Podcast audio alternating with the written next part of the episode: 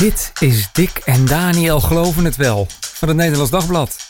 Koffiepraat over kerk en christelijk geloven. Met Dick Schinkelshoek en Daniel Gillissen. Ja, van harte welkom. Leuk dat je luistert.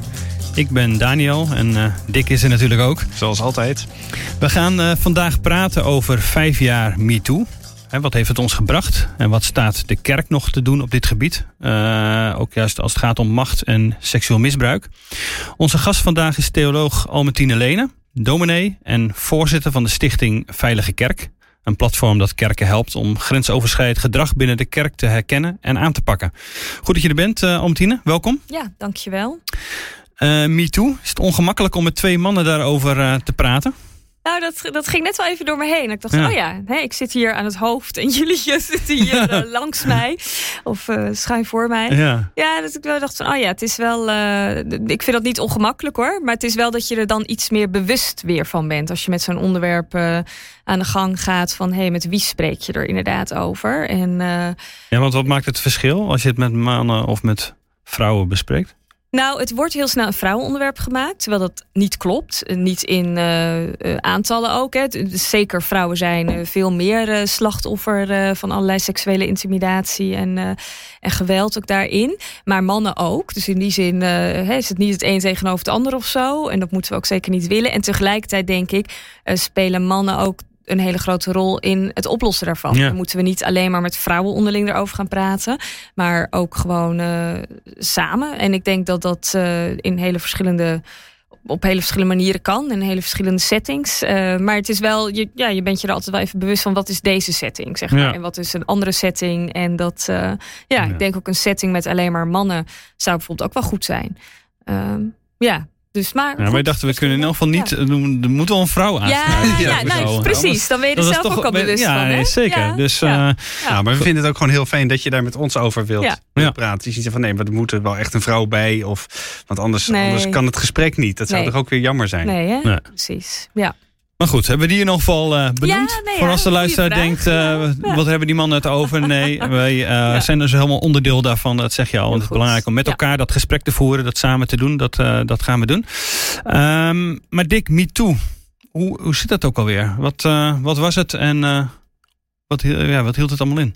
Ja, MeToo kun je op. Uh, het heeft verschillende startdata, zou je kunnen zeggen. Je kunt in 2006 beginnen, maar meestal wordt dan toch verwezen naar oktober 2017. Hè. Ik bedoel, we zitten nu weer in oktober, is precies vijf jaar geleden.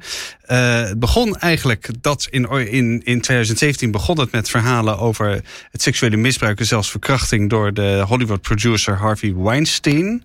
Ja. En vervolgens veroorzaakt dat op Twitter hè, met de hashtag MeToo ik ook een enorme golf aan verhalen van mensen die zeiden: ja, maar ik heb ook zoiets meegemaakt. En aanvankelijk dus vooral met, met, met Weinstein, want die man had werkelijk van alles uitgevreten.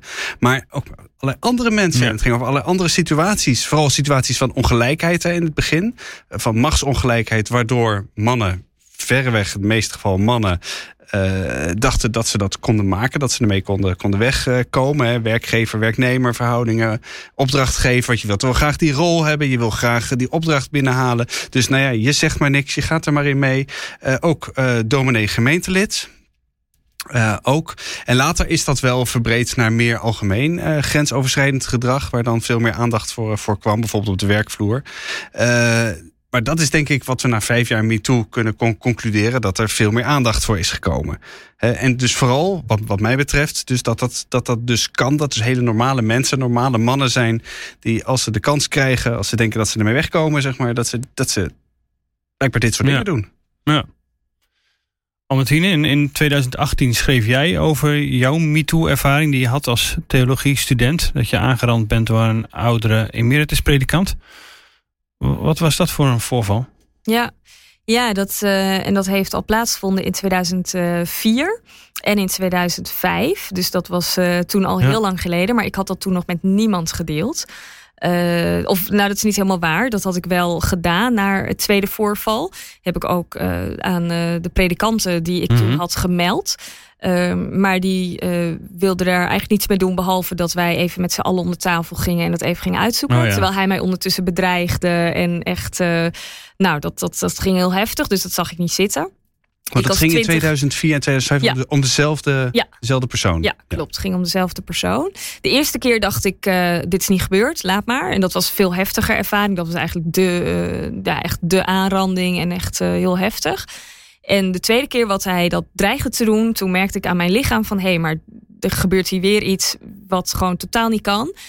En dat heb ik toen ook dus weten te voorkomen. Uh, en um, ja, toen dacht ik van, hé, hey, dit is echt helemaal mis. En ook mm. wat er een jaar geleden is gebeurd, dat, dat kan echt niet. En dit moet niet weer gebeuren.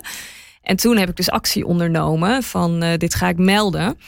Maar die melding is dus ja, in die zin niet goed uh, ontvangen. En toen men dat dus ook voorstellen van, joh, dan zetten we even om de tafel. En dan zoeken we even uit wat er precies mm. is gebeurd. En dan is het opgelost toen heb ik gezegd van ja, dat kan ik niet. Dat, dat was voor mij gewoon echt uh, totaal geen, uh, geen optie als twintigjarige met een man ver in de zeventig die ook heel veel macht had als emeritus predikant.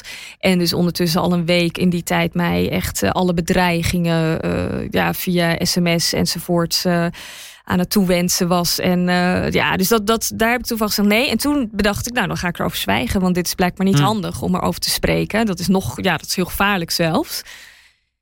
En toen uh, heb ik over gezwegen. En af en toe kwam het wel in een nachtmerrie voorbij. Dus in die zin uh, was ik het nooit kwijt. En uh, ja, was ik ook doodsbang om tegen te komen. En bepaalde dat toch ergens wel een beetje mijn, mijn leven. Hmm. Niet, niet, zeker niet in alles, maar toch wel kwam het nog hmm. steeds terug. En toen MeToo verscheen, toen dacht ik van ja ja, dat verhaal heb ik ook. Ik ook. ik ook. Dat precies dat. Ja, wat dus met heel veel mensen gebeurde. Ja. En toen dacht ik, uh, en eigenlijk ging het toen zo dat ik een, als toen was ik inmiddels zelf predikant. En ik we begeleide een vrouw die uh, ook te maken had gehad met seksueel geweld. En ik moedigde haar aan om daarmee zeg maar een aanklacht in te dienen en daar uh, nou ja, gewoon een melding van te maken.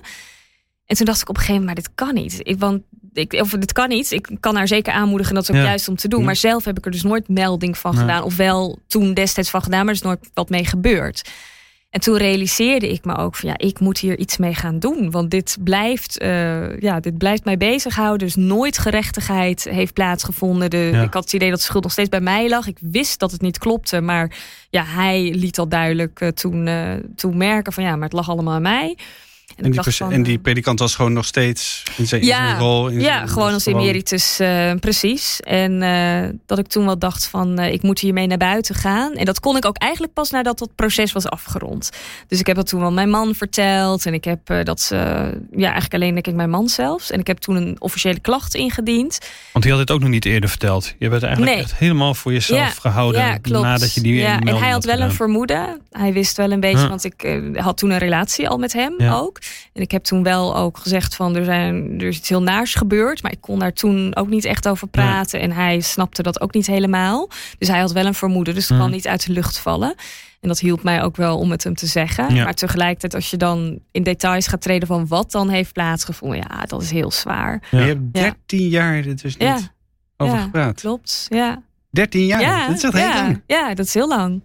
Ja, nee, zeker. Dat, dat, dat ging gewoon echt niet. Nee. En uh, toen ik dat dus wel begon te doen, vond ik dat ook echt heel erg moeilijk. Ja, dat het gewoon echt uh, naar mijn man toe. En dus, nou ja, uiteindelijk wat mij wel heeft geholpen, is dus dat ik die officiële klacht had ingediend. En dat dat dus ook heel goed toen is opgepakt. Mm. En, maar dat is nog steeds in de kerkelijke ja, context. Je hebt geen, geen aangifte. Nee, nee dat, uh, dat wilde ik eigenlijk. Dat is wel heel vaak door mijn hoofd gegaan. Mm. Van uh, hè, moet ik dat doen? Um, maar ja, ik dacht dat ga ik niet doen. En uh, dat, dat wil ik ook liever niet. En het, het, lastige is, daarom doen heel veel mensen ook geen aangifte. Je hebt geen bewijzen. Hè? Nee. Dus het is dan het is jouw woord tegen het zijne. Nee, en als je dan nou ja, verliest, zeg maar, ja. dan voelt het helemaal nou, als. Precies, omdat is dan al te delen. En om inderdaad, als dan wordt gezegd van ja, eh, we, we, kunnen hier niets mee, want er zijn geen bewijzen. En uh, klaar, ja, dat, dat maakt het heel ingewikkeld. Mm. Dus en, uh, maar goed, met, met die klacht die ik toen dus in de kerkelijke kringen heb gelegd, is toen gelukkig wel wat gedaan. En dat was ook allemaal heel spannend en heel ingewikkeld. Um, maar uiteindelijk is toen, wat mij betreft, zeg maar recht gedaan. Alleen al doordat die commissie uitsprak van ja, maar luister, het ligt echt helemaal aan die emeritus-predikant en niet aan jou. Um, en wat hij heeft gedaan is echt, echt heel erg verkeerd. En uh, toen hebben ze ook zijn ambt uh, hem ontnomen. Wat van mij niet eens per se hoefde. Hè, Hmm. dat, daar was ik ook helemaal niet op uit of zo. Ik wilde gewoon dat horen van dat het inderdaad niet mijn fout was. Ja, en ja. dat dat ook heel erg is geweest wat Ja. hij heeft gedaan. Dat het niet normaal is. Kijk, zijn woorden waren destijds... Ja, we konden af en toe goed praten. Want hij zat in de familiesferen waarin ik toen verkeerde. En eh, dan hadden we altijd met anderen erbij theologische gesprekken. Nou, als jonge theologiestudent is dat Mhm. boeiend en Mhm. leuk. Heerlijk inspirerend. Heerlijk inspirerend. Ja, ja. En toen zei hij dus laatst, ja, we hadden altijd wel mooie gesprekken. En ik dacht, misschien is er ook wel een seksuele klik. Dus hij wilde dat gewoon uitproberen. Hmm. Nou ja, weet je dat je, ja, dat dat een soort van, eh, dat hij dat daarmee ook rechtvaardigde. En eh, nou, daar heeft de commissie van gezegd: van, ja, dat is natuurlijk totaal nou belachelijk. Dat is zoiets ga je niet proberen of zo. Nee. Dat is niet eens aan de orde en dat, dat mag niet eens aan de orde zijn. En dat hielp mij om wel dus ook mee naar buiten te komen in het Nederlands Dagblad. eh, ook dat eh, te publiceren. Dat ik dacht van ja, er is in mijn geval, en dat is in heel veel gevallen jammer genoeg niet het geval, dus wel gerechtigheid gedaan. Ja. Ehm, en, en dat helpt mij dus om ook te zeggen en mensen te, te, te helpen, te adviseren om ook dus wel aangifte te doen of om het te melden. Ja, dus je anderen ook mee wilde helpen. Ja, andere vrouwen ook wilde bemoedigen, aanmoedigen, zeg maar, om die stap te zetten. Ja, nou ja, onderdeel is van als we dit eh, willen voorkomen ook. Hè, dat is Mhm. wat, wat Veilige Kerk eh, doet, die zit vooral op die preventie. Ja, dat is dat we dan ook moeten zeggen, als jij melding maakt ervan, dan wordt het ook serieus genomen. Ja. En, eh, en dan hangen daar ook consequenties aan vast. Hè, dat je er dus niet mee wegkomt. Ja. En dat is jammer genoeg dan wel vaak het geval. Dus in die zin denk ik dat dat ook eh, ja, vrouwen, mannen helpt om toch Mhm. dat te melden. Dat ze weten, het gaat serieus genomen worden. Maar je had dus wel zo'n wereldwijde beweging als MeToo nodig om uiteindelijk die stap te zeker. zetten. Anders denk ik niet dat ik dat had gedaan. Dat is eigenlijk ook wel absurd. Ja, dat, het- toch? Dat het ja. zo is. Ja, maar je wilt niet dat het je is overkomen. Nee. Je wilt het niet. Er zit zoveel schaamte dan. En, en dan helpt zo'n beweging dat je denkt: Mhm. oh, maar ik ben niet de enige. En dan durf Nee. je het. Eh, maar als jij denkt je bent de enige, en dat denk je inderdaad, gek genoeg. Mhm. Al zijn er, waren er toen natuurlijk ook al statistieken en dat, die Ja. zijn enorm hoog. Ik bedoel, die, eh, ja, dat je denkt dat dat ben je niet. Maar toch, om dan die eerste stap te zetten, ja, dat is heel lastig. En als heel veel mensen dat dus wel doen, dan denk je, oh, nou ja, dan is mijn verhaal niet Mhm. uniek. Mhm. En dan durf ik het wel. Ja. Maar is dat ook wat MeToo gebracht heeft inderdaad? Dat er, dat er meer openheid over is gekomen om te praten over seksueel misbruik. Om de machtsverhouding aan de kaak te stellen die soms leidt tot dit soort excessen? Ja, volgens mij wel. Ja, ik denk eh, dat is eh, dat gevoel ook wat ik had van, nou ja, ehm, ik ben de enige. Of van hier mag je niet over praten. Hier moet je gewoon voor schamen. Het is je eigen Mhm. schuld. Dat soort zaken zijn, zijn nu, eh, ja, waarvan men zegt dat klopt niet. En of, of men, dat wordt, ook, dat wordt ook nog wel zo gezegd natuurlijk. Mhm. Maar dat we daar wel stappen verder zijn gekomen. Van, kijk, ik, ik sprak laatst ook nog een groepje vrouwen.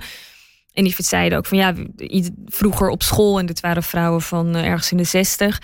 Vroeger op school hadden we een meester waarvan Ja. we ook wisten, die zat altijd eventjes aan onze borstjes en, op, eh, en de hand op verkeerde plekken. Maar ja, dat accepteerden we een soort van, je wist, Het hoorde erbij Het hoorde erbij.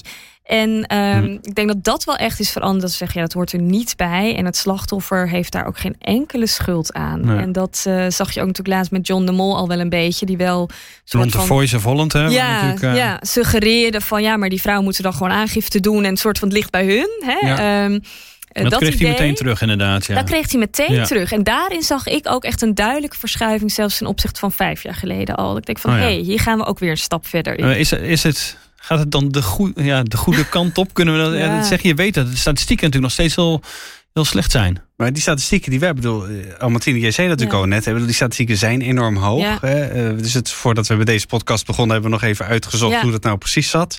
Hè, dus het 1 op de 8 vrouwen maakt ooit een verkrachting mee in haar leven. 1 op de 25 mannen. Ja. Bedoel, dat zijn echt. Ja. Dan hebben we het over verkrachting. Dan hebben we het, gaat het al een beetje om de, de meest serieuze Precies, vorm waar we het dan over hebben. Ja, Eh, dat ja zijn andere enorme vormen cijfers. zijn denk ik ook serieus, maar dat is wel Ja, verkrachting is meest- wel de meest je meest heftige heftige, vorm, ja. ervaring. Nee, goed dat je dat zo ja, nou ja, dat zegt, ja, ja. er zit wel. Ja. eh, we moeten dat ook niet er bagatelliseren, Nee, zeg maar. Nee, Maar, maar Maar er zitten eh, gradaties. eh, Zeker, ja. ja. En, Terwijl eh, vroeger, dat vond ik zelf ook interessant om achter te komen, eh, in, het, eh, in, het, eh, wet, eh, in de wetten, in het recht. ehm, dat is nu volgens mij niet meer zo, eh, zag ik laatst, maar dat bijvoorbeeld ook tongzoenen als verkrachting werd gezien. Mhm.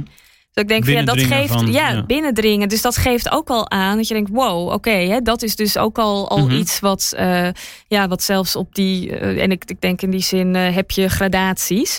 Maar ja, en, en, en ik geloof dat het ruim 90% van de vrouwen is die gewoon seksuele intimidatie. En dat hoeft niet per se met aanraking te zijn, maar Mhm. toch ook in wat gezegd wordt. Ja, dat kan ook heel intimiderend Mhm. natuurlijk al Ja. zijn. Nou, dat, dat is een heel hoog percentage. heb je het over praktisch alle vrouwen. Ja, daarom. Ja, ja klopt. En ik denk dat ook in die statistieken zit, en vooral bij mannen is dat het geval, zit daar nog een hele groep die eh, gewoon ook nog steeds dat voorhoudt dat het niet zo is. Dat het hen niet is overkomen. En dus eh, niet, ja, dat je dat niet bij die statistieken op kan, of, eh, op kan tellen. Mhm. Maar dat het wel zo is. Ik denk vooral onder mannen is het nog meer taboe. Als het je overkomt als man, ja, dan komt er een soort extra dementie, denk ik, nog weer bij. Van, eh, dat ja. wordt je in, je in je mannelijkheid ge... Ja, precies. geraakt, Dat ligt dan nog weer net Ja, iets, ja. iets anders. En eh, bij vrouwen word je uiteraard ook in je vrouwelijkheid aangetast. Maar dat geeft ook wel weer het culturele probleem ervan aan. Hè? Dus dat is ook juist en waarom die statistieken zo, eh, zo verschillen. Ja. Maar het is dan ja, ook want wel... wat geeft dat precies aan? Ik kan het invullen, maar eh, wat is dat culturele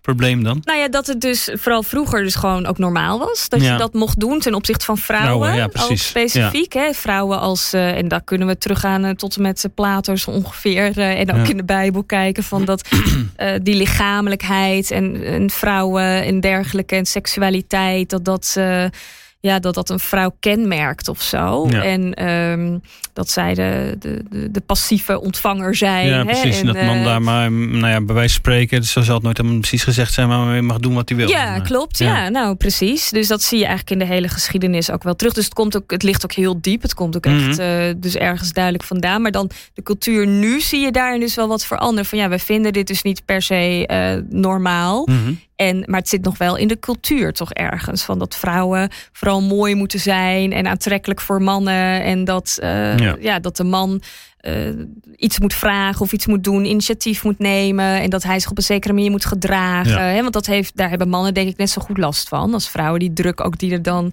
eh, op staat. op mannen om, om daar ook dan je mannelijkheid in te, in te Hmm. vinden of zo. Ja. Dat, ja. ja, denk het wel. Ik zei net iets over de goede kant op, maar ik Ja. vrees dat het, dat, dat eh, te optimistisch is. Maar wat Ja. heeft vijf jaar MeToo de- volgens jou gebracht? Hoe, hoe kijk jij daarnaar? Nou, ik denk dat eh, mensen die dat hebben meegemaakt weten dat ze dus niet de enige zijn. Ja. Dat helpt al enorm. En dat er dus ook, eh, als er meldingen zijn die, die toch ook wel serieus genomen worden. Dat het niet direct onder het tapijt wordt geveegd. En ja, dat, dat gaat nog steeds niet altijd goed. Dus in die zin blijft dat spannend. Eh, maar dat, ja, dat dat wel de intentie is. En ehm, dat zie je ook met de meldpunten en dingen. Hè? Dus en vertrouwenspersonen. Dus daar, daar zijn zeker Mhm. het aantal vertrouwenspersonen is enorm eh, toegenomen. En dat zijn dus goede ontwikkelingen. Ja. Zou ik ook zeggen. En tegelijkertijd eh, ja, moeten we inderdaad niet de illusie hebben dat het daarmee over is. Ik, ik denk ook juist met het gebruik van sociale media, die alleen maar toeneemt en de afgelopen jaren ook. Is, is dat weer een andere manier waarop je mensen kunt bedreigen Ja. of met foto's en dergelijke. Ja. ehm, Een vorm van, Kunt- van online misbruik. ja, klopt. Ja, en online intimidatie. Dus die, die, ehm, ja, die, die is er ook. En die neemt denk ik eerder toe als wat die eh, afneemt. Eh, dus ik geloof er niet in dat we dit ook helemaal kunnen oplossen. En het vraagt dus een hele grote cultuurverandering. Maar ik denk wel dat die deels aan het gebeuren is. Hmm. Dus daar ben ik wel voorzichtig optimistisch over. Ik hoorde je net, ik dacht even net je te horen zeggen dat er misschien ook nog wel een soort nieuwe MeToo voor mannen nodig is. Ja, Omdat daar ja. misschien nog wel een heleboel verhalen zijn die niet verteld worden. Ik denk en- het wel. Ja, dat is wel eh, wat ik vermoed. En ehm, ja, dat, dat is misschien wel goed. Ja, want je moet dus echt altijd met dit oppassen om het inderdaad niet een soort van vrouwenprobleem te maken en een vrouwenbeweging. Ehm, en, en je ziet zeker ook wel mannen die daardoor hun verhaal eh, hebben verteld. Maar ik denk dat dat nog wel wat lastiger ligt. Dus ik vind het een mooie vraag die je stelt. Zou er nog een soort mannen me too? Ehm, ja, ja, dat is. eh, Ja, Want we hebben het Jelle over Brand 90 Kostjes gehad. Precies, we hebben Jelleband Kostjes Ja. gehad. Ja. Eh, we hebben natuurlijk wat, wat, we hebben het over 99% vrouwen en 10% mannen ongeveer. Als het Ja. gaat om de statistieken, ja. wat we dus weten. Ja, ja. Maar dat zou dus wel eens, eh, zou Ja, dus zou- wel eens zou anders, meer eh, kunnen anders zijn. kunnen liggen. Ja. Klopt. En, ja. ehm, en in de kerk? Is het in de kerk Hmm. eh, een beetje geland? Is het voldoende geland? Is het net zoveel in de kerk geland als, eh, als daarbuiten? Ja, interessant is natuurlijk dat eigenlijk de kerk, en met name ook de Rooms-Katholieke kerk, natuurlijk al ver voor MeToo al die misbruiksschandalen Mhm. had. Ik wou dus zeggen, eh, commissie ja. Dat is tien jaar geleden. Nou, ja. precies. Dus wat dat betreft, eh, de kerken MeToo is eigenlijk nog van, van wat eerder. Behalve dat dat ja, op een andere manier dan eh, ging. En vooral schokkende feiten die naar buiten kwamen. Mhm. Ehm, maar we merken wel met ook de oprichting van de Stichting eh, Veilige Kerken. Die is eh, nu eh, formeel eh, vanaf 8 maart eh, dit jaar een stichting. Maar daarvoor waren we ook al wel eh, via de website eh, actief. Daar zien we wel dat bijvoorbeeld heel veel, eh, ook echt een paar keer per dag, het stappenplan gedownload wordt. Het stappenplan om dus te zorgen dat je een, eh, ja, op weg bent naar een veilige kerk. Van hoe kun je dat doen? En eh, dus, dus daarin, en, en vertrouwenspersonen die worden aangesteld, steeds meer mensen die cursussen willen doen. Eh, dus daar zien we zeker ook wel eh, een, een toename in dat mensen zich daar bewust van zijn en daar ook preventief mee bezig willen. Dus, Ja, want die zijn echt een platform dat nou, misbruik dus tegengaan, maar vooral Ja. zorgen voor een veilige kerk. Dat Ja. mensen, iedereen die daarmee te maken heeft, die daarin werkt, die er naar de kerk gaat, Ja. die deelneemt aan groepen, dat veilig kan doen. Precies, ja, dat is eh, dus die preventie. En daar zijn, zitten dan eh, echt ruim 16 kerken ook wel eh, achter. En dat zijn drie meldpunten van de verschillende kerken, die dus weer ook dan gegroepeerd zijn. En die meldpunten houden zich voornamelijk bezig met dus meldingen. Maar Veilige Kerk, daarin willen zij hun krachten samen bundelen om eh, ja, dat te voorkomen. En dat, dat eh, zijn verschillende manieren voor om, eh, om dat te doen en aandacht voor dit thema te vragen. Dus in die zin denk ik dat het in heel veel kerken zeker is doorgedrongen. In heel veel kerken denk ik ook nog niet. Ehm, eh, maar het is wel, ja, het is, het is goed als dat wel nog meer, denk ik, eh, gebeurt. Want je hoort nog regelmatig van, eh, van dingen die echt, eh, echt gruwelijk ook misgaan in een kerkelijke context. Want gaat Dus, het, gaat het in een kerkelijke context anders mis? Of gaan er andere dingen mis dan daarbuiten? Is er, of werkt het allemaal gewoon hetzelfde? Is er een soort kerkelijke variant van, van, van grensoverschrijdend gedrag? Nou, dat denk ik niet. Ik denk inderdaad dat wat in de kerk gebeurt, ook in de wereld en andersom. Hè, dat, zie je ook bij werkplekken, dat zie je in eh, Hollywood, overal. Maar tegelijkertijd, wat het gevaar is in de kerk, en dat maakt het eigenlijk nog gevaarlijker.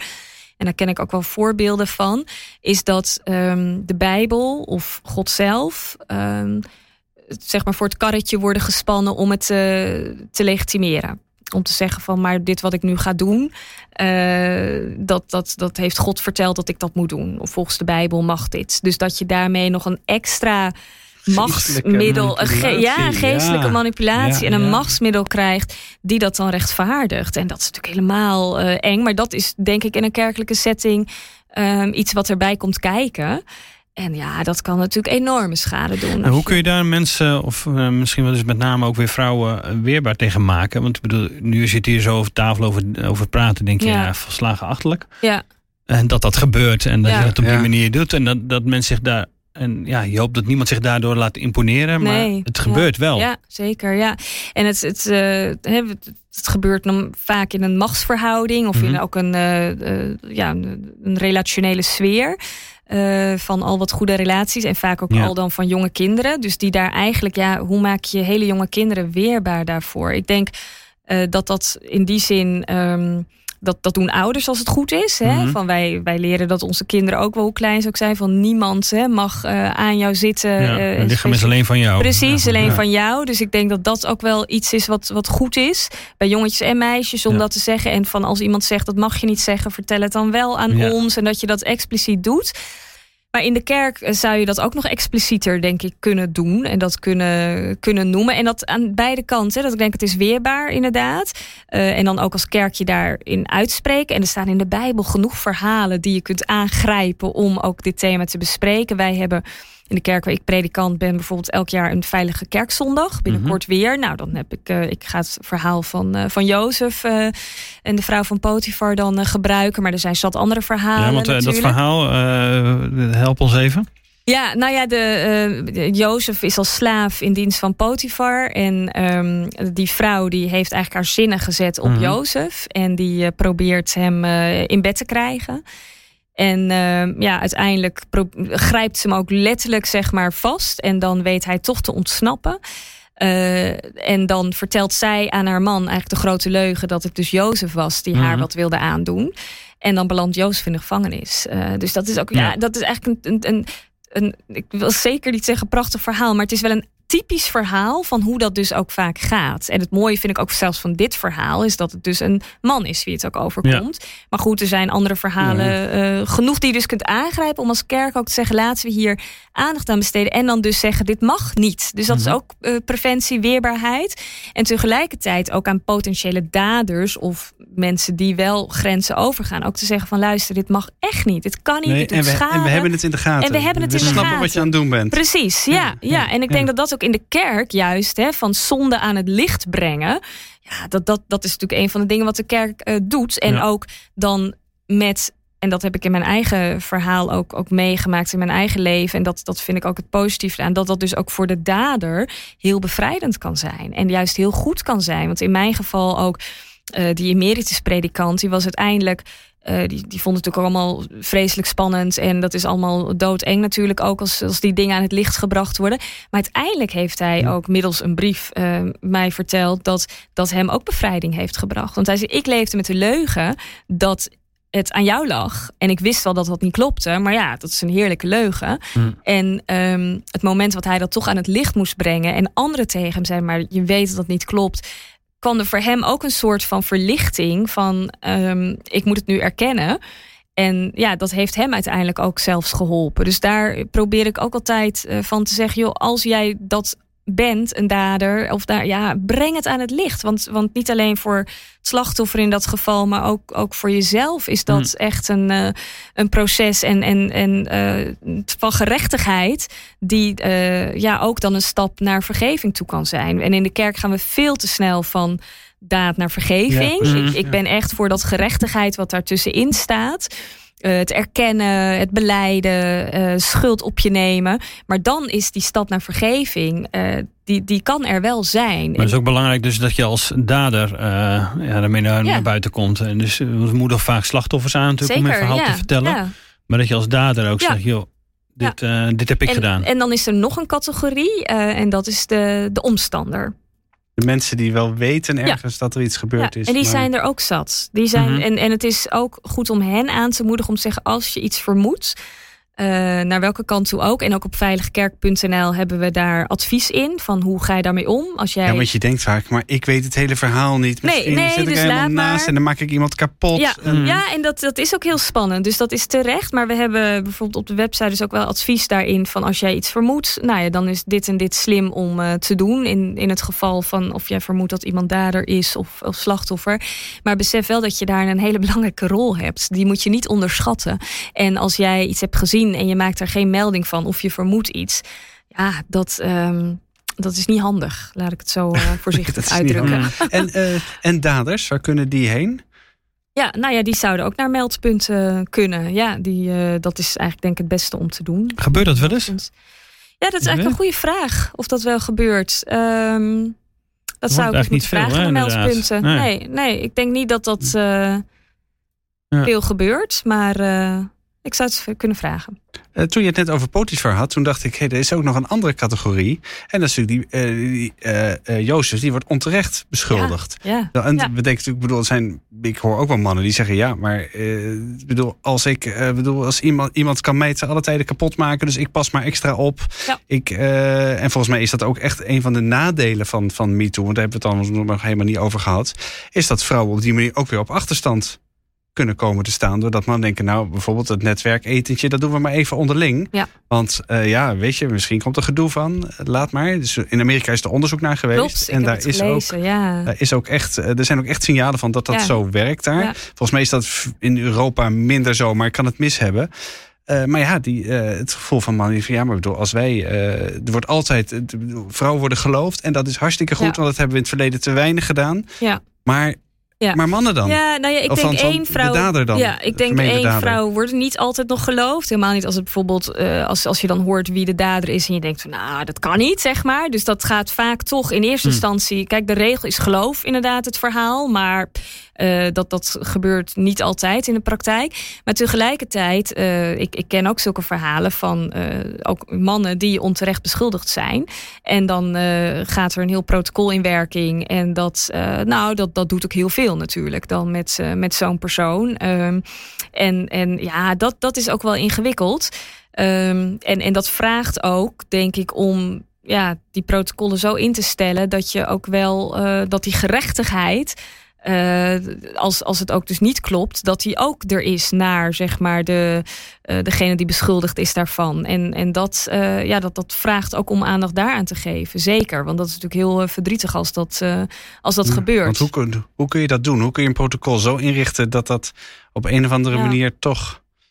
Nou ja, als, als je daarin zegt van er heeft dus de, de, het is, de waarheid is boven tafel gekomen. Uh, en, dit lijkt ons aannemelijk in dit geval. Ja, dat je dan wel ook expliciet uh, dat ook zo noemt en zegt. En dat je uh, ja, daarin ook dan recht doet aan die persoon. En dat, dat hangt natuurlijk af van de context. Maar uh, ja, dat lijkt me wel, uh, ja. wel heel erg belangrijk. Ja, want zoals het natuurlijk uh, ingewikkeld is om, om te bewijzen dat het, dat het is, is gebeurd, het is het ook ingewikkeld om te bewijzen dat het niet is ja. gebeurd. Hè? Het ene woord tegen het andere natuurlijk, waar we het net over hadden. Ja. Ja. nee, dus dat vraagt ook onderzoekers die daar echt ook goed mee om kunnen gaan. En daar, nee, dus dat maakt het heel ingewikkeld. Ja. Ja. Ja, maar in de meeste gevallen mm. is het verhaal waar. Voor de dus het zijn echt. Ja, uh, het, het, het, is, uh, het, kom, het komt dus voor. Ik ken de verhalen ook, waar het niet waar ja, lijkt Ik te dacht zijn. natuurlijk meteen dat verhaal nou, van Jozef, wat ja. je noemde. Ja, precies. Ja. En dan merk je dus ook dat Jozef daarvoor wordt gestraft. Ja, en precies, vele jaren in de gevangenis komt. Dus dat is gewoon uh, natuurlijk super heftig. Hij is dan ja, slachtoffer. En dat, uh, ja, daar wordt hij ook nog voor gestraft ook. Maar dat, dat zie je dus ook andersom gebeuren. Is dat inderdaad um, slachtoffers die iets echt hebben meegemaakt... en daarmee dus uh, naar, naar buiten gaan... dan ook vaak door wat er dan wordt gezegd... van ja, maar uh, het lag wel aan jou en hoe je eruit ziet... of, of mm. hoe je je gedraagt. Of ook een soort van extra klap nakrijgen. En ook nog een soort extra worden... Uh, ja, gestraft. Had je zelf dat gevoel ook toen je de eerste keer dan meldde van dat misbruik? Ja, ja. Van, ja, zeker. Dat het bij ook soort toch bij je, hè, je moest er wel om tafel om het uit te spreken, ja. maar dat je toch een soort gevoel had van het draait inderdaad, uh, ja. het ligt weer op mijn bord. Precies, nee zeker. Dus dat is dan wel wat gebeurt. En dat maakt dus dat je dan gaat zwijgen. Ja. Of in mijn geval was dat zo. En ik denk dat het voor anderen ook geldt. En eerst zo'n eerste reactie. Uh, ja, dat, dat zorgt er dan voor dat je denkt van laat maar. Wat is de beste eerste reactie? Op het moment dat iemand naar je toe komt en zegt dit, ik heb iets meegemaakt, want die gaat natuurlijk ligt niet in, nee. in eerste zin uit, want je vindt het al uh, veel te nee. expliciet nee, en precies. veel te lastig ja. om er iets over ja. te zeggen. Ja. Um, wat moet je doen? Ja. Ja, vooral dus luisteren, denk ik. Op dat moment ook zeggen van wat, wat goed dat je dit vertelt. He, dus geen enkele oordeel erover hebben. En ook niet die details eens gaan vragen Nee. of zo. Van ja, maar wat dan? En, en dat hebben mensen vaak ook die neiging. Hè, dat we dan precies de details Ja. willen weten om een oordeel al te vellen. Maar, uh, ja, Ja, precies. maar- de feiten zeg maar, zo, en zo dicht mogelijk Precies, erbij. En alles precies, precies willen dat je weten. gelijk een soort van. Maar dat, dat is ja, dat is dat moet je echt niet willen Dat is doen. veel te ver. Dat eh, veel te ja. ver. En ehm, ja, daarin eerst zeggen van nou wat aanmoedigen. Dat, dat het Ja. goed is om te dat het ook in die zin eh, veilig is om dat te delen. En ehm, ja, dat je ook diegene die dat deelt, zeg maar, de ehm, eh, alles in handen geeft om dat ook aan te geven wat diegene wel en niet wil daarin, in dat aangeven daarvan. Dus diegene de, de lead geven. Diegene, dus Ja. niet dat ook dan denken van, oh iemand vertelt me, dus ik moet nu eh, dit en dit. En dat, hè, dat je een soort van in die actiemodus gaat. Ja. Nee, ehm, eh, laat dat, eh, die persoon die dat vertelt ook dan aangeven wat Ja. eh, hij Ja, dus het is ook precies, het is ook wil. niet per se goed om meteen te denken, oké, dan gaan we dit aanpakken Nee, en oplossen. en zo werkt het dus eh, ook niet. Nu gaan we recht nee. doen, zeg maar. Nee, daar is het Nee. dus veel te complex vaak Ja, voor. ja. Dus dat, eh, dat is ook niet. eh, nee, het is niet van. eh, nee, dat, dat lossen we even op. Nee, precies. Je zei al natuurlijk, eh, in je eigen eh kerkengemeenschap, dat je er elk jaar over spreken. Ja. Dat je nou ja, de preek dus over Jozef gaat houden. Ja. Ehm, is, wordt er in kerken, ja, wanneer, word je, er- wanneer spreek je daar trouwens voldoende over? Maar wordt er voldoende over gesproken? Want omdat het best wel lastig onderwerp is. eh, het heeft ook nog met, met, met grenzen aangeven te maken. Het heeft met seksualiteit te maken. Hoe kijk je ernaar? Hoe praat je erover? Hoe Ja. geef je zelf op allerlei momenten Ja. je grenzen aan? Ja, er wordt sowieso weinig over seksualiteit ook gesproken, denk ik. En dat, heeft, eh, dat zou ook goed zijn als dat meer, eh, meer gebeurt.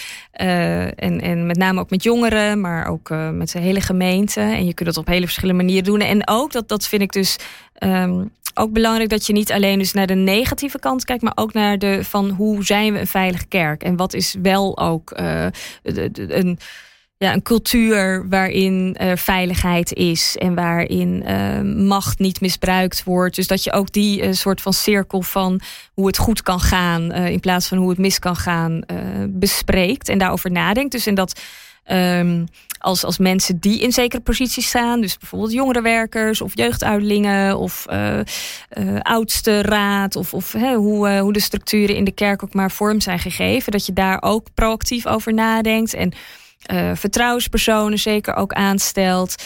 Uh, maar daar ook gewoon op een, op een zondag aandacht aan, uh, aan besteedt, denk ik. Dus dat kan, ja, dat, dat kan volgens mij redelijk makkelijk. Maar goed om daar een soort patroon. Ik, ik zou meer mm. kerken willen aanraden om een, om een veilige kerkzondag te hebben. En nu hebben we natuurlijk al heel veel zondagen. Ja, precies, ja. Van wie gaat tot Bijbel enzovoort. Staat weer maar dit thema dat ik wel denk van ja, dit, dit moet echt wel uh, aan de orde komen. Nou, dat ligt echt aan het hart van kerk zijn. Als het daar niet, niet, niet goed zit, dan uh, kun je de rest ook wel vergeten. Nou ja, precies. Het over Micha en Israël zondag en Bijbelzondag ook niet meer te hebben. Nee, nee, klopt. Als het gaat om gerechtigheid en uh, de Bijbel, ja, dan is dit ook, ook wel een thema wat daar heel centraal in mag staan. Ja. Krijgen we, nou ja, hoopvol MeToo nog een keer de wereld uit? Nee, dat denk ik niet. Ook omdat dat wat, je, wat je ook ziet gebeuren. Um, en daar, dat, daar ben ik niet per se heel blij mee. Is bijvoorbeeld um, uh, dat, dat je een soort cancelcultuur ook ziet. Waarvan mm ik denk dat dat, um, dat is niet per se goed. Want dan heb je het gesprek niet meer. En dan, uh, uh, ja, dan, dan is het soort van opgelost, lijkt het wel. Wat bedoel je daar precies mee? Dat de dader wordt gewoon Ja, gecanceld. Dat, dat, dat, hebben we natuurlijk ook het afgelopen jaar wel gezien. Dan draai je geen Marco Borsato meer, zeg maar. Ja, dingen. ja nou ja, inderdaad. En ik, ik, ik, denk dat het op zich heel goed is hè, om heel duidelijk te mhm. zeggen van uh, nee, dit, uh, hier moet het stoppen. En, en dat betekent echt dat iemand een fout heeft gemaakt. Maar tegelijkertijd uh, heb je dan het gesprek niet meer. En, en moet je ook diegene ruimte geven om dus uh, ja, schuld te beleiden, om het maar zo te zeggen. En uh, het gesprek aan te gaan. Ik denk, dus dat is een ontwikkeling van, ik denk, ja, die is niet per se goed. Dus dat verandert het wel, maar die is niet per se goed. En ook wel dat er een soort van slachtoffercultuur dan ontstaat. Daardoor, hè, van, oh, zie mij eens, ik ben helemaal weggezet. En ja, is dat nou nodig? Mm. En dat soort dingen. Uh, van ik heb toch echt niks verkeerd gedaan. En nou ja, Johan Derksen zagen we dat ook uh, een beetje mee. Dat hij gewoon dan in zo'n slachtofferrol gaat ja. Eh, kruipen. Die, dacht dat, dat ik... die zei dat hij gecanceld werd ja. en was volgens weer heel snel nou, terug. Hè? Ja, dat, precies. Dus dat klopt dan ook niet. Maar dan merk je dus dat het toch weer om die dader dan gaat draaien. Ja, en, en dat wil je niet. Hè? En dat... Um, dus ik, ik zie ook de ontwikkelingen zijn in die zin dus goed. En tegelijkertijd, ja, ook wat jij uh, net al noemde, Dick, hè, van dat de vrouwen wat meer worden uitgesloten, zelfs met zekere dingen, gaan er ook dingen nu weer op een andere manier mis. Mm. En die moet je gewoon goed in de gaten houden. Dus het mm. vraagt elke keer ook om een... Alertheid, Ja, alertheid. En ook van hoe benaderen we dit? En MeToo is één manier en die heeft heel goed gewerkt. Maar misschien moeten we nu een, een, ja, iets dieper gaan naar cultuurverandering. Naar de beelden die we hebben van, van uh, uh, seksualiteit, van mannelijkheid, vrouwelijkheid. En je merkt dat, dat gender en, en alles daar rondom seksualiteit uh, ja, ligt zo gevoelig. Uh, en, en om daar dus dit thema ligt gevoelig, maar verbindt wel, omdat we echt zeggen, ja, geweld kan niet. Maar de beelden die daarachter liggen, hoe wij kijken naar, naar mensen uh, van een ander gender mm. of uh, seksualiteit, ja, dan merk je dat dat, dat uh, ontploft heel snel. Er zitten heel veel emoties achter. Uh, met zo'n transgenderwet hebben we dat gezien. Ik zie dat met uh, mijn eigen boek uh, en van René Erwig, die we laatst hebben uitgebracht. Vuur dat nooit dooft. Geleden Vuur dat nooit dooft. theologie, gender en seksualiteit in gesprek. Ja, dat, dat, dat ligt heel emotioneel. Maar dat ik denk, ik zou wel graag die laag dieper willen. Van wat zijn die uh, stereotypen, die generalisaties. Um, en, en, en ook vanuit de Bijbel. Wat, hè, wat dan bevestigt kom je misschien ons. echt wat, wat verder dan. Dan, dan ja. Ja. ja. Ik kan me zo maar voorstellen dat jij het nog wel even over, dat, uh, over het boek van Albertine wilt hebben, nou, Daniel. Uh, precies. Uh, dat, kan, dat kan ik me zo voorstellen. Maar ik zat nog wel even te denken bij die, bij die cancel culture. Hè? En ik snap helemaal wat je, wat je bedoelt. Ja. daar moeten we niet in. Meteen iemand nee. hop weg. En ja. Maar stel nou, we hebben, we hebben het over de kerk in deze podcast ook voor een belangrijk deel. Je bent predikant. Je hebt je ergens op dit vlak aan schuldig gemaakt. Dan kun je toch gewoon geen predikant meer blijven? Klopt, ja. Ik, uh, zeker. Uh, hè, ik, ik, als dat ja. Of, nou, of, of zit ja. het toch dan. Maar, hoe, kijk je, hoe kijk je daarnaar? maar... Nou ja, goed, het, het hangt wel. We moeten niet alles wat onder seksualiteit, zeg maar, uh, ook valt. Ik vind, je merkt in kerk ook bijvoorbeeld als een predikant uh, een relatie heeft gehad, wat wel ook wederkerig was, dat daar dan. Dus ik vind wel, we moeten ook onderscheid maken. Wat is precies het geval? Maar als het gaat om echt seksueel misbruik en seksueel. Zeker, dan denk ik is dat punt. Maar um, dat, daar hangt in de kerken, en dat is denk ik wel goed, wel een heel proces aan vast. Waarin dat ook uh, wordt onderzocht en waar diegene ook daarin schuld. Uh, beleid. Dus ja, in die zin denk ik dat dat gebeurt, denk ik, ja, wel op, op zo'n manier dat je dat meeneemt. Maar dat je dan ook nog die stap verder doet van ja, maar um, wat zit hier dus eigenlijk achter? Waarom kon dit gebeuren? Wat zegt het over de cultuur? Wat zegt het over de kerkcultuur? Uh, hoe lezen we eigenlijk de Bijbel? Uh, nou, allemaal dat soort zaken die daarachter wegkomen. Dus, dus inderdaad, zo'n kenniscultuur is aan de ene kant, als we dan een grens trekken en zeggen dit kan echt niet. En daarmee kan iemand ook niet zomaar weer terug in zijn positie. Want als je Johan Derksen kijkt en wat is Mark Overmars uh, in, uh, in België ja. hè, weer uh, aan de gang. Dat je wel denkt van ja, dit, dit klopt, klopt niet. Hè? Directeur bij Ajax was, ja. Precies, en dan gewoon ergens anders weer verder kan. maar het, hangt, het is wel heel erg contextafhankelijk hoor. Dus daarom kun je ook niet één uitspraak doen over alles, vind ik. Maar um, ja, het is ja. deels waar. Nou, ik ga zei het boek even, maar daar kunnen we nog een hele podcast aan, aan wijden. Moeten we misschien ook een keer doen, want het gesprek over seksualiteit en hoe voel je uh, ja. dat op een goede manier. En over ja. nou ja, uh, de genderdiscussie die in de kerk uh, veel gevoerd wordt, die wij ook in de podcast al aandacht aan hebben besteed. Onder andere een gesprek met de transgenderman Albert Bot. Ja, ja dat was um, bij de presentatie van ons boek. Ja, precies. ja. Een lijntje.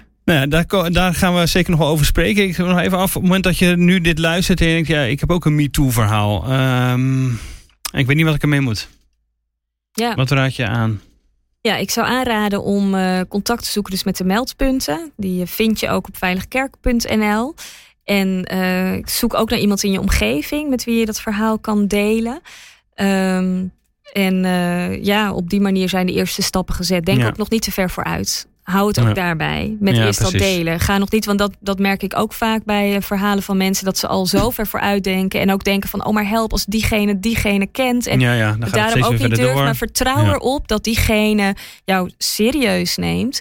En uh, luistert naar jouw verhaal. En denkt nog niet te ver vooruit. En uh, wees niet bang voor connecties en netwerken. Mm -hmm. En dat, ja, ja dat vertellen is wel goed. Dat is eigenlijk zeker. altijd Ja, dat, ja, ja, zeker. Als je dat voor jezelf houdt, dat heb ik dus ook wel uh, gemerkt. En dan, ja. dan blijft het zo'n onderdeel van je leven waar je niet van vrijkomt. En, uh, en dat ja. kan dus wel. Je kunt er echt van vrijkomen. Dat, dat, uh, en, dat, en dat blijft dan misschien wel een wond. En dat blijft kwetsbaar. Hangt ook weer af van, van de hele context. Maar ja, dat heb ik zelf wel beleefd. Ja. Dat je echt een stukje daarin bevrijd mag worden van een schuld die je draagt die je niet hoort te dragen. En een schaamte ook die je niet hoort te hebben. En uh, er is niets om, om, je voor te schamen. Nee, nee. En ook geen schuld dat je draagt. Mooi. Dank. Dan uh, nemen we die boodschap uh, mee. Dank Albertine voor jouw uh, verhaal, voor het persoonlijk delen en voor je adviezen die je hebt gegeven. volgende week gaan we praten over christenen en klimaat. Het Nederlands Dagblad heeft met de organisatie Groene Kerken onderzoek gedaan onder christenen en niet-christenen naar hun denken over klimaatverandering en de praktische aanpak en hoe, welke rol de kerk daarin moet spelen. Daar gaan we volgende week als eerste in deze podcast de uitkomsten delen en een gesprek erover voeren. Ja, Dick. van de sluier gaan we, gaan we oplichten. Zeker. Hoe denken christenen over klimaat en duurzaamheid? Nou, hm. dat, wordt, dat wordt spannend. Wees er ook weer bij. En uh, vergeet niet als je ons wil steunen. nd.nl slash abonnement. Uh, like ons in de podcast app. Ook belangrijk. En deel deze aflevering gerust op sociale media. Tot volgende week.